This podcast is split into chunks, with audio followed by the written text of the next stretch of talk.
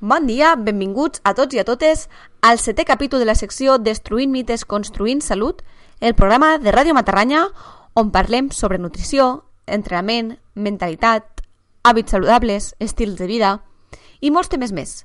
Tot això per aconseguir que el Matarranya tingui una població més activa, més conscient i, en definitiva, més feliç. Avui us porto un mite que tracta una mica més de mentalitat, de com millorar una mica la nostra autoestima, etc.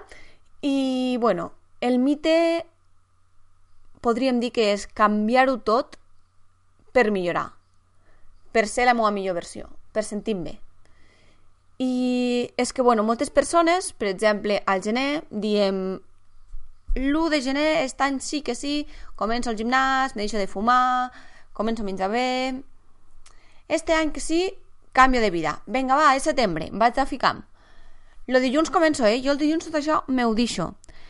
Són creences populars i petites exigències que ens posem nosaltres mateixos, vale? i també la societat, i que realment me, molt poques vegades se complixen i no ens fan arribar al nostre objectiu o meta.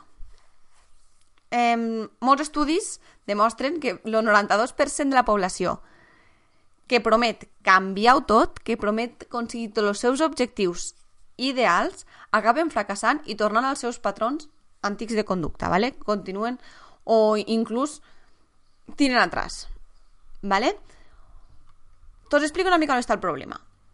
Eh, jo considero que està molt bé tenir objectius, voler millorar i canviar coses, ¿vale? El primer pas és saber que hi ha alguna que canviar, és un dels grans passos, no? I, bueno, això, estos petits objectius mos motiven, mos donen esperança, mos fan sentir bé, mos fan créixer i sobretot mos fan aprendre moltes coses, no? Cada vegada que intentem alguna encara que fallem, algo haurem après. Però realment s'ha de reconèixer que este fracàs continu, no? Me poso un objectiu, fracasso, me poso un altre objectiu, fracasso. Ostres, en moltes, moltes vegades mos acabe comportant una baixa d'autoestima, depressió, ansietat, aïllament, tindre que donar explicacions, no? Ui, comences la dieta. Ostres, ja t'has deixat la dieta? Saps? Tindre que donar explicacions als altres... Tot això ens va migrant una mica el nostre estat d'ànim, vale? i és que, bueno, el problema és que fem unes llistes interminables de coses que volem canviar, Vale? I, bueno, les llistes van com deixar de fumar, com he dit antes, fer exercici, menjar millor, viatjar, estar més temps amb els amics, la família, llegir més, tenir temps per a altres, estar més a la natura... Moltes coses. Cada persona pues, té construir la nostra empresa, canviar de faena, aconseguir expressar-nos, acabar en la depressió que tenim... És que mil coses. Cada persona pues, en la seva vida té els seus objectius, no? I què passa? Que volem fer un gir de 360 graus a la nostra vida i, i bueno, comencem a escriure i vinga, pa, pa, pa, pa, pa, pa, jo faré tot això. En moltes ocasions el que ens estem posant és un estrès, molta pressió i bueno, la falta d'autocontrol i autoconeixement pues, mos acaba portant a que tot això, tots aquests objectius mos fallen, no? Avui us vull parlar dels cinc grans problemes que, que mos fan fallar, ¿vale? Un d'ells el primer que us vull parlar és que els nostres objectius són metes supergrans. Per exemple, doncs vull fer esports quatre vegades a la setmana, no? I aniré quatre vegades al gimnàs. A veure, si no hem anat al gimnàs o no hem fet esport durant fa molt temps, anar i ara voler anar quatre dies al gimnàs, doncs probablement no estarem preparats, probablement no ens sentirem bé i no el complirem, no? És a dir, mos hem de ficar, doncs, ostres, si estic a 0, doncs vaig a posar arribar al 2, no me vaig a ficar a arribar al 9. ¿vale? Este és un dels fallos més grossos. O, per exemple, estic menjant tot comida basura, vaig a dir que menjaré ara sobresaludable, no? I cuinaré jo i de més. No, són una meta supergran, que a part comporta moltes coses, no? Menjar bé. Ostres, doncs m'hauré de tindre temps per cuinar, hauré de tindre temps per anar a comprar, hauré de llegir un llibre de què és menjar saludable. Hauré de preparar el menjar per emportar si un dia tinc que anar a menjar la faena. no? Suposa moltes coses, no és només vaig a menjar més saludable, no, suposa moltes coses. I llavors és això, doncs, ostres, estic menjant mal, porto els 7 dies de la setmana menjant mal a totes les menjades. Doncs, bueno, vaig a intentar primer canviar l'esmorzar, no? Quan ja el tinc canviat, vaig intentar també sopar bé tots els dies que puga. I així, poquet a poquet, anar avançant, ¿vale? I és això. Un, los primer fallo és ficar metes super grans. Lo segon, que tenim, sabem on estan els fallos o ens ho pensem i ens posem un munt de propòsits, com el que t'has dit antes, no? I claro, els propòsits realment són hàbits que anem integrant al nostre dia a dia. Són els propòsits al final acabarà sent algo automàtic que farem sense pensar no? I és això, és impossible d'un dia per a un altre canviar tots els nostres hàbits canviar radicalment, això és impossible. ¿vale? I és que construir un nou hàbit requereix de la força de voluntat ¿vale? durant un temps. És a dir, jo, per exemple, t'us fico un exemple, vull llegir tots els matins. Encara no és un hàbit, és algo que he de dependre. pues, mentre ho estic deprenent, he d'utilitzar la meva força de voluntat per aixecar del llit a l'hora que em sona el despertador, llimpiar la cara i anar a una habitació a llegir mitja hora. Això és força de voluntat. Clar, què passa?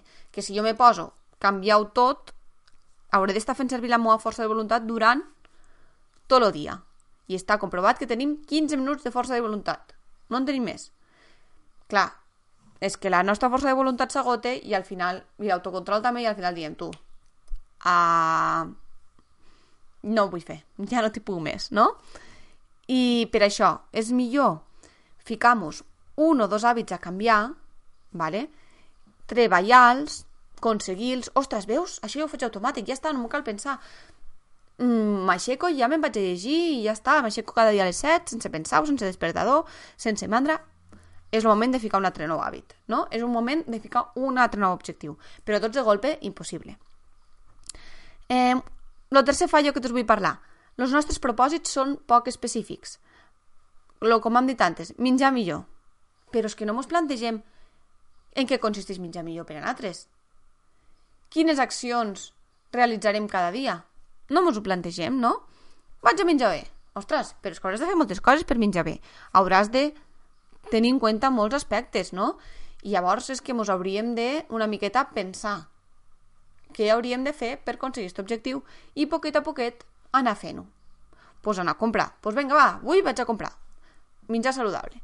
I demà, pues, Demà me cuinaré verdura per a tindre la feta. I així a poc a poc anar-ho aconseguint. Quart objectiu. Mos oblidem de per què volem aconseguir aquell objectiu. Diem, bueno, tu, vaig a perdre pes. Però per què? No? És molt important quan volem aconseguir algo sempre tindre al cap la imatge que volem tenir de nosaltres mateixos. Per exemple, vaig a perdre pes. Per què vaig a perdre pes? Doncs pues perquè d'aquí sis mesos me sentiré bé el meu cos. Me podré posar vestits i roba que me sente bé.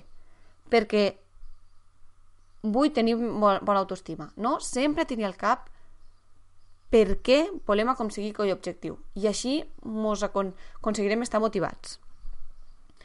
I el cinquè fallo que fem és no construïm un pla d'acció. És a dir, un altre objectiu. A veure, mm, mm, mm, mm, mm. Podria ser, podria ser... Deixar de fumar. Construïm un pla d'acció. L'objectiu és deixar de fumar. Vale? Eh, per què? Per què vull deixar de fumar? Parlant una mica, us faig una imatge global.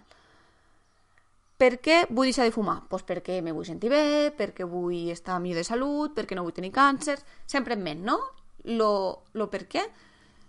El pla d'acció, com lo crearíem? Bueno, pues deixar de comprar ja lo tabaco. Avui ja no em compro més tabaco. Los, després, què faré més? Doncs, pues, bueno, els moments que sé que tinc esta ansietat, me n'aniré a passejar.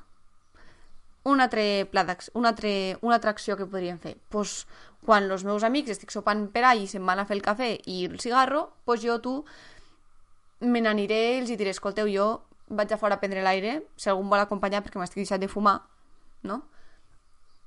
També compartiu.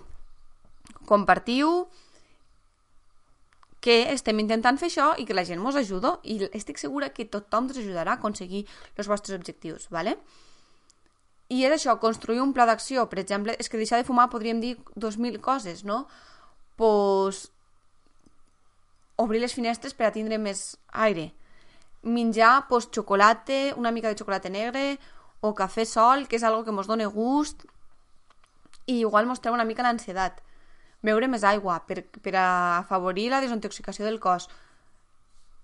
Construir sempre un pla d'acció que ens ajuda a anar cap on volem estar. I, bueno, pues això. Estos són los cinc fallos que fem la gran majoria. I, per últim, també us volia dir que intentéssiu pensar que la solució la teniu patres. Mos equivoquem moltes vegades perquè busquem la solució fora i mos oblidem de que nosaltres tenim la solució i que som nosaltres que mos hem de comprometre en el nostre benestar. Jo, com a assessora de salut, moltes vegades li dic, no?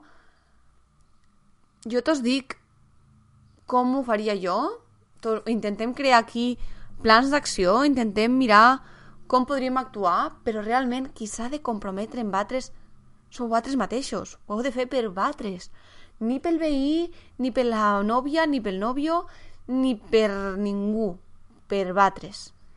I batres sou els responsables i culpables dels vostres èxits o els vostres fracassos.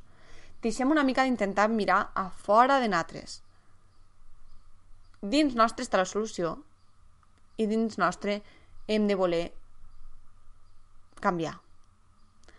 Perquè és això, si intentem sempre buscar fora, acabarem tenint fracassos, perquè sempre hi ha problemes, la gent sempre canvia, la gent sempre... No, és que la, el benestar som nosaltres mateixos. I jo sempre els dic, heu d'estar batres mateixos ben batres. I ser el canvi. I ja veureu com quan comenceu a sentir-vos ben valtres, quan us comprometreu en batres, quan veieu que esteu canviant, quan veieu que us sentiu millor cada dia, la gent del costat també canviarà també voldrà veure's, veure's com batres. I tu es preguntarà, hòsties, i tu com ho has fet? Hòsties, i, i com és que estàs tan bé? Heu de ser, com sabeu quan tireu una pedra a l'aigua, batres sou la pedra, la tireu a l'aigua i cau. I, ostres, i comença a fer com a els cercles aquells que es fan a l'aigua, heu de ser el mateix. Batres la pedra que pega el cop a la taula i diu canvio, perquè vull i ja veureu com els demés a poc a poc començaran a canviar també. ¿vale? És com efecte dominó. I no res, espero que no t'os frustréssiu, espero que entenguéssiu que és a poc a poc, que costa molt canviar els hàbits, però que es pot. I que passito a passito, però sempre endavant. Mm, crec que per avui no tinc res més a dir. Eh, tos volia dir que compartiguéssiu, poséssiu un me gusta si escolteu este programa a iVox. Jo cada setmana vaig posar-vos un resum de, de lo que parlo als, en estos podcast, en esta secció a la meva pàgina web, que és www.mrilon.com i allí teniu tot l'article escrit per si algú li agrada més llegiu i no res, espero que t'us agrada molt, que t'us servisque i ens escoltem la setmana que ve, ¿vale? Un besito molt fort i tota la energia positiva. Adeu, adeu!